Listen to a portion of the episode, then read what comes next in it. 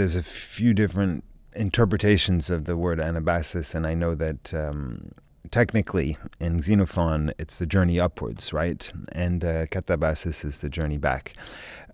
In the way in which the, journey, the, the, the word was used by Paul Celan, the poet, or the, the poet Saint John Perse, or even the French philosopher Alain Badiou, there is this sort of idea that the anabasis, even though etymologically is not strictly true, um, but the etymology of the word is based both on the term embark and the term for return. And so there is this idea that you're both going into the new and coming back. So there's this disjunctive synthesis inside of the concept of the word itself.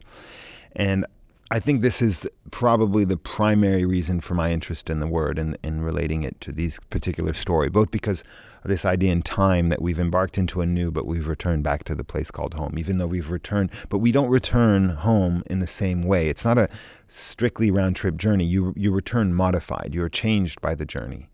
That's one thing. And the second thing is you don't know that you're coming back, is that the, the Greeks never knew that they were returning home they only understood that they were returning home when they saw the sea, which is why they scream thalatta thalatta when they see the sea.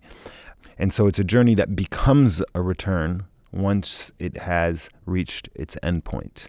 In that sense, it's different than the Odyssey, for example, which is a journey home, strictly speaking. Whereas the Anabasis is a journey home of somebody who does not know that he or she is returning home. And that is very much the story of the, of the, of the Japanese Red Army.